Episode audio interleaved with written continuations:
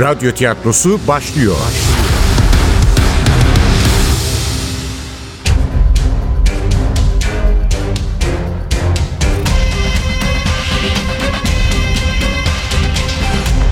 Sultanı Öldürmek 41. Bölüm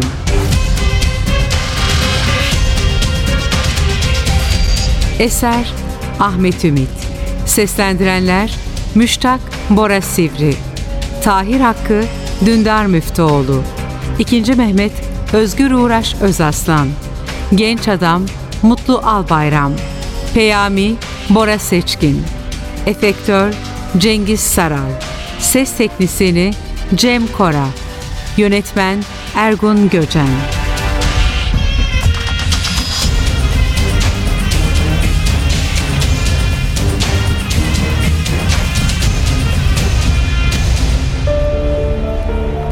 Kalabalıktakiler beyaz atı üzerinde ordusunun önünde ilerleyen padişahı görecekmiş gibi surların önüne baktılar. Hayır hayır. Mehmet buraya gelmedi. Hünkârın kırmızı atlastan otağı Hümayun'unu yani çadırdan oluşan seyyar sarayını kurduğu yer burası değildi. Padişah 12 bin yeniçerisi ve seçme 3 bin sipahisiyle Ayos Romanos yani Topkapı'nın karşısında yer alan Otağtepe'ye yerleşmişti. İçerideki bedbahtların durumunu bir düşünün. Buradan yedi kuleye kadar olan yaklaşık 7 bin metrelik bölge devasa bir ordunun askerleriyle dolmuştu. Rahmetli Reşat Ekrem Koçu o manzarayı edebi bir dille nakleder. Davul sesleri, savaş naraları, askeri marşlarla şehre doğru adım adım yaklaşan tepeden tırnağa silahlı, misyonları ölmek, öldürmek olan adamlardan oluşan mahşeri bir kalabalık. Zavallıların korkudan dizlerinin bağı çözülmüş olmalı. Genç padişah ise görkemli ordusunun yaptığı etkiden emin olarak derhal vezirlerini, komutanlarını başına topladı. Tahir Hakkı kendinden beklenmeyen bir çeviklikle ağır gövdesini Haliç'e çevirerek suyun öteki yakasını gösterdi. Kayınbabası ve veziri olan Zanos Paşa'ya kuvvetleriyle şu karşı sahillere yerleşmesini bir yandan Haliç'i kontrol altına alırken bir yandan da Galata Celevizlilerini gözaltında bulundurması görevini verdi. Asıl amaç Haliç surlarına saldırıyı organize etmesi, mümkün olduğu kadar fazla askeri buraya çekerek kara surları yönündeki kuşatmayı zayıflatmasıydı. Hatırlarsanız Dolmabahçe'de anlattığımız gemilerin karadan yürütülmesi Zanos Paşa'nın gayretleri sayesinde başarıya ulaşmıştır. Ayrıca padişahın buyruğuyla Balat civarında karşı kıyıdan bu yakaya kadar fıçılardan oluşan bir köprü yaptırdık ki üzerinde beş kişi rahatlıkla yürüyebilir ve küçük toplarla surları gülle yağmuruna tutabilirdi. Duraksadı. Eksik kalan bir şey vardı, evet. Hatırladı. Usulca başını öne doğru salladı. Bu surlarda yaşanan küçük çaplı bir gemi savaşı var. Onu nakletmezsem konu eksik kalacak. Biliyorsunuz efendim bizim gemilerimiz 22 Nisan'da Haliç'e inmişti. Elbette bu savunmacılar için büyük bir tehlike anlamına geliyordu. Her ne kadar gemilerimiz bir saldırı harekatına girişmemişse de zamanı geldiğinde en kararlı şekilde bu taarruzu yapacaklarına şüphe yoktu. O sebepten savunmacılar Türk gemilerine bir baskın vermek istediler. 28 Nisan'da şafak sökmeden birkaç saat önce iki düşman gemisi sessizce harekete geçti. Onları koruyan dört gemi daha vardı. Aysız gecenin zifiri karanlığında bulunduğumuz taraftan karşı kıyıdaki gemilere doğru yaklaşmaya başladılar. Eğer gemilerimizi yakabilirlerse Osmanlıların Haliç'e girmesiyle kaybettikleri psikolojik üstünlüğü yeniden kazanacaklardı. Zaferden öylesine eminlerdi ki gemilerden birinin kaptanı olan Jacobo Coco temkinliliği elden bırakarak top menziline girmekte sakınca görmedi. Türk gemilerini yakan ilk kaptan olma şerefini tatmak istiyordu. Hızla bizimkilere yaklaşmaya başladı ama işte ne olduysa o zaman oldu. Jacobo Coco'nun hedef seçtiği Osmanlı gemisinin topları birden ateşe başladı. Hırslı kaptan daha ne olduğunu bile anlayamadan ilk gülle gemisinin pupasına isabet etti. Can alıcı darbeyi de ikinci gülle indirecekti. Kaptan mürettebatıyla birlikte denizin dibini boyladı. Neler olup bittiğini anlayamayan ikinci düşman gemisi de ateşten nasibini almıştı. Ancak darbeler ölümcül değildi. Mürettebat güllenin açtığı deliği tıkamayı başardı. Böylece kadırga yarı yarıya batmasına rağmen geldiği yere geri dönebildi. Güya öndeki iki kadırgayı korumak için gelen gemiler pabucun pahalı olduğunu görünce gerisini geri çark ettiler. Bu küçük çaplı deniz savaşı bizimkilerin moral üstünlüğünü iyice artırırken savunmacılar Osmanlı gemilerinin hiç de öyle kolay lokma olmadığını öğrenmiş oldular. Sözleri bitmiş olmasına rağmen kafiledekiler hala Haliç'in durgun sularına bakıyorlardı. Sanırım herkes kendi hayalindeki savaş sahnesini sonlandırmaktaydı. Evet, Haliç'in karşı tepelerinin Zaanos Paşa'nın sorumluluğuna bırakıldığını söylemiştik. Surlarsa Rumeli Beylerbeyi olan Karaca Paşa'ya düşmüştü. Tam şu bulunduğumuz sahilden yani Ayvansaray'dan Eğri Kapı'ya kadar olan surlar onun emrine verilmişti. Karaca Paşa ordusuyla Karşıtepe'ye yerleşti. Eğri Kapı'dan Topkapı'ya kadar uzanan kısmı ise bizzat padişahın kendisi kontrol edecekti. Ki en kanlı çatışmalarda bu bölümde gerçekleşecekti. Çandarlı Halil Paşa'yı her daim yanında istiyordu. Konstantinopolisilerle irtibatı olduğundan kuşkulandığı sadrazamı yalnız bırakmayı göze alamıyordu. Topkapı'dan yedi kuleye kadar uzanan düzlük alan ise Anadolu Beylerbeyi İshak Paşa ile ileride Fatih'in hayatında trajik bir rol oynayacak olan meşhur Mahmut Paşa'nın yetkisine verilmişti. Deniz tarafına gelince Yedi Kule'den Haliç girişine kadar olan bölge Baltaoğlu Süleyman Bey'in donanması tarafından zapt edilecekti. Yapılan kanlı deniz savaşlarını ve bu acımasız cenklerde başarısız olan Baltaoğlu'nun başına gelenleri de tafsilatıyla Dolmabahçe'de anlatmıştık. Orta Çağ'ın bu en görkemli kalesi Osmanlılar tarafından son kez kuşatılıyordu. Ama ilk top ateşlenmeden önce Mehmet elçilerini Konstantin'e gönderdi. Şehri teslim ederlerse kimsenin canına ve malına zarar gelmeyeceğini, imparatorun sağ ve salim olarak istediği yere gitmesine izin verileceğini, halkınsa hayatına eskisi gibi devam edebileceğini bildirdi. Ama imparator ve Konstantinopolisliler korkak insanlar değillerdi. Belki de hala papalıktan gelecek yardıma güveniyorlardı. Şehirlerini teslim etmektense ölmeyi yeğleyeceklerini söylediler. Bu cevabı alan genç padişahın önünde cenkten başka yol kalmamıştı.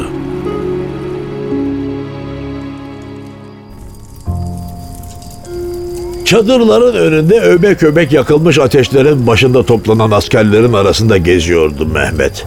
Sınır boylarında kılıç sallamış, yaşını başına almış akıncılardan bıyıkları yeni terlemiş heveskar savaşçılara, dervişlerin çağrısıyla vuruşmaya gelmiş tanrı erlerinden padişahın buyruğuyla silah kuşanmış Sırp askerlerine kadar ülkenin en seçme bahadırları akın akın surların önüne gelmişlerdi.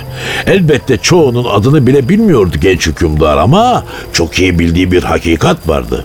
Kendi hayatı ve devletin kaderi bu tanımadığı askerlerin ellerindeydi. Bir buçuk asır önce Söğüt'te doğan umut, büyüyerek yer küreyi kaplayacak mıydı? Yoksa kaynağı cılız ırmaklar gibi bu ortaçağ kalesinin görkemli surlarının önünde kuruyup gidecek miydi? İkinci kez tahta çıkan Murat Han oğlu Mehmet tahta kalacak mıydı? Yoksa hayalleri ikinci defa kırılarak saltanatı bir kez daha başkalarına mı bırakacaktı? Aysız gecenin altında karanlık bir heyula gibi yıkılıp üzerine gelen Konstantiniye'ye baktı Mehmet. Ey bütün dünyanın arzuladığı şehir. Ya ben seni alacağım ya da sen beni.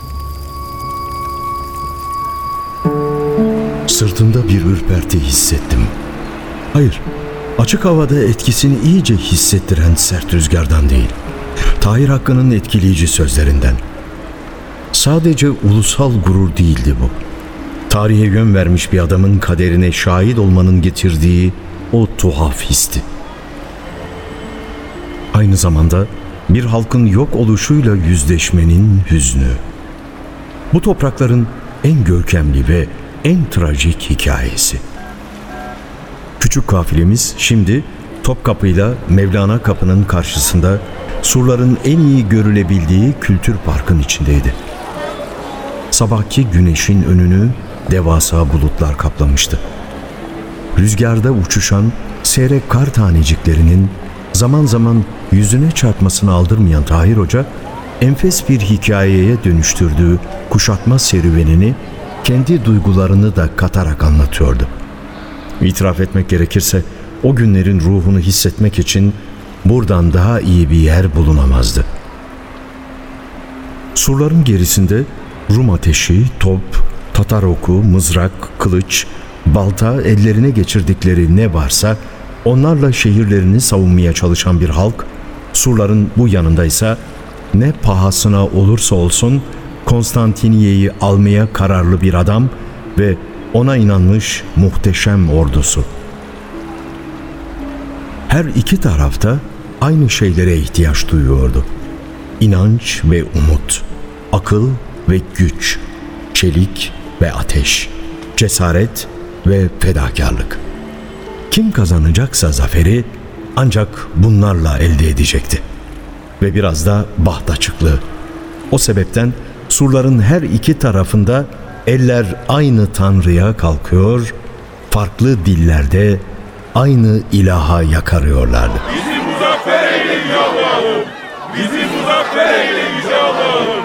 Bizi muzaffer yüce Allah'ım. Şehrimizi koru yüce Tanrım. Şehrimizi koru yüce Tanrım. Şehrimizi koru yüce Tanrım. Yaratıcının hangi tarafı desteklediğinin belli olmasına daha 54 gün vardı. 6 Nisan gecesi ordugahını gezen genç padişah gördüklerinden memnun dönmüştü otağına. On binlerce insandan oluşan bu mahşeri kalabalıkta tam bir disiplin hakimdi. Komutanlar kararlı, din adamları inançlı, askerler neşeli ve azimliydi. Öyle de olması gerekiyordu. Özür dilerim hocam. Belki sormak için biraz geç kaldım ama Şu ana kadar hiç fark etmediğim bir gençti konuşan. Gökyüzü kadar gri bir bere vardı kafasında. Kara gözlerinin biri diğerinden daha küçüktü ve konuşurken belirgin şekilde seyiriyordu. az önce söylediğiniz bir konuya takıldım. Konstantinopolis'in fethinin Mehmet için bir ölüm kalım sorunu olduğunu söylediniz. Fakat tahta oturabilecek başka bir şehzade yokken böyle bir tehlike nasıl mümkün olabilir? Dair Hakkı ilgiyle baktı delikanlıya. İlgisinin nedeni sorunun canını sıkmış olması mı yoksa takdirini kazanmış olması mıydı anlaşılmıyordu. Sen de tarih öğrencisi misin? Yok hocam, ben sadece tarih meraklısıyım. Özellikle de Osmanlı tarihi. Rahmetli babam aşıladı bu merakı. Tarihini bilmeyen kendini bilmez derdi. Kendini bilmek istiyorsan önce bu toprakların tarihini öğren. Çünkü kendini bilmeyen sorumluluklarını da bilmez derdi. Demek bizim peder bey yalnız değilmiş bu ülkede. Aslında iyi bir tarafı da vardı böylesi ebeveynlere sahip olmanın. Size sorumluluk bilinci aşılıyorlardı. Keşke biraz da özgüvenimizi geliştirselerdi. Umarım babası benimki kadar otoriter değildi diye umut ederek ilgiyle izlemeye başladım bu gösterişsiz çocuğu. Yanılıyorsam düzeltin ama Osmanlı'da taht kan bağı olan birine geçmez mi? Başka şehzade olmadığına göre Başka şehzade olmadığına emin misin? var mıydı? Mehmet'in başka kardeşi yoktu ki. Osmanlı şehzadesi olması için sadece Mehmet'in kardeşi olması gerekmiyor. Doğru. Mehmet'in bütün kardeşleri öldü. Ama bir şehzade daha vardı. Mehmet'in babasının oğlu değildi ama Osmanlı şehzadesiydi. Hatta bu sabah ondan bahsettik. Şehzade Orhan. Konstantinopolis'te yaşayan Orhan. Evet Peyami Bey, Şehzade Orhan.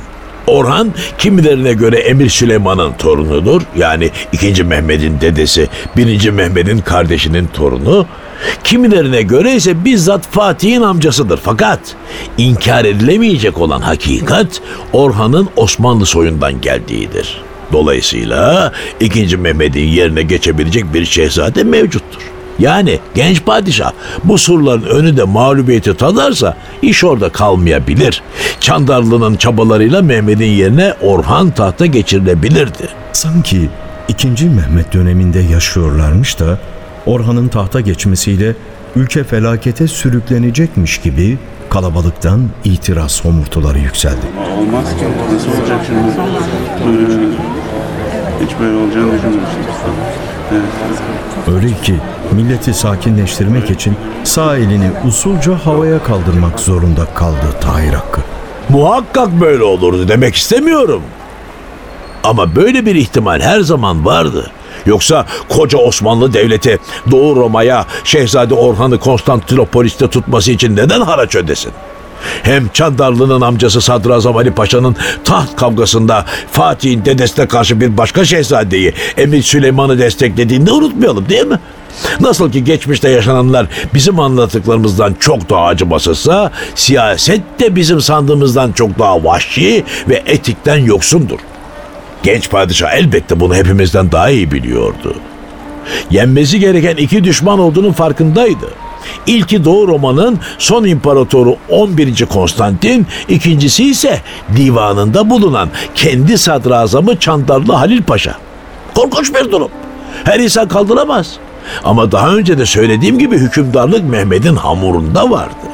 Daha çocuk yaştayken sinsi bir saray komplosuyla tahtın altından çekilmiş olması siyaset sanatının nasıl icra edilmesi gerektiğini çok iyi öğretmişti ona.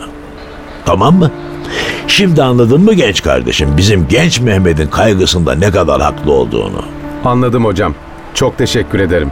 Kar taneleri giderek artmaya başlamıştı. Bakışlarını gökyüzüne çevirdi Tahir Hakkı. Siyah kasketinin siperliğini aşan beyaz zerrecikler kumral kirpiklerinin üzerine düştü. Hava azıtacak gibi görünüyor. Elimizi çabuk tutsak iyi olacak. Siz de üşümüşsünüzdür değil mi?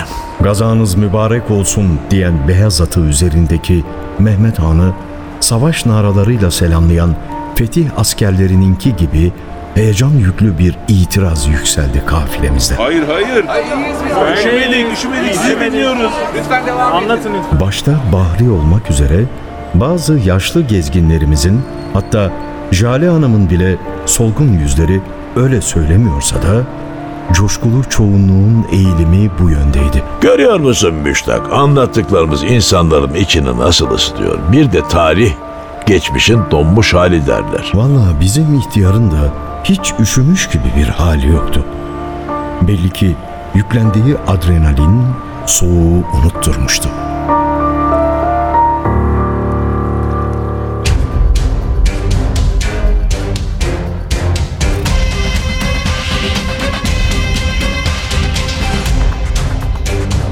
Sultanı öldürmek.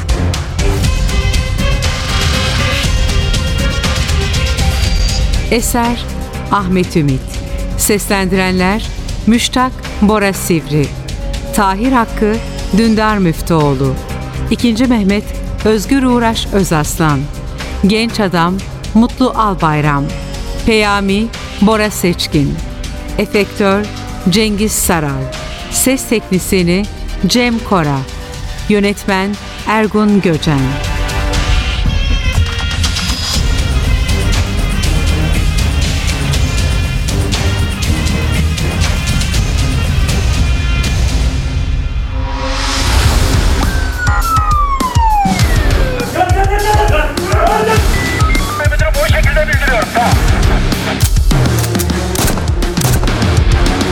Radyo tiyatrosu sona erdi. Radyo tiyatrosu her cumartesi 11.30'da NTV Radyo'da. Kaçıranlar ve tekrar dinlemek isteyenler içinse ntvradio.com.tr'deki podcast sayfamızda.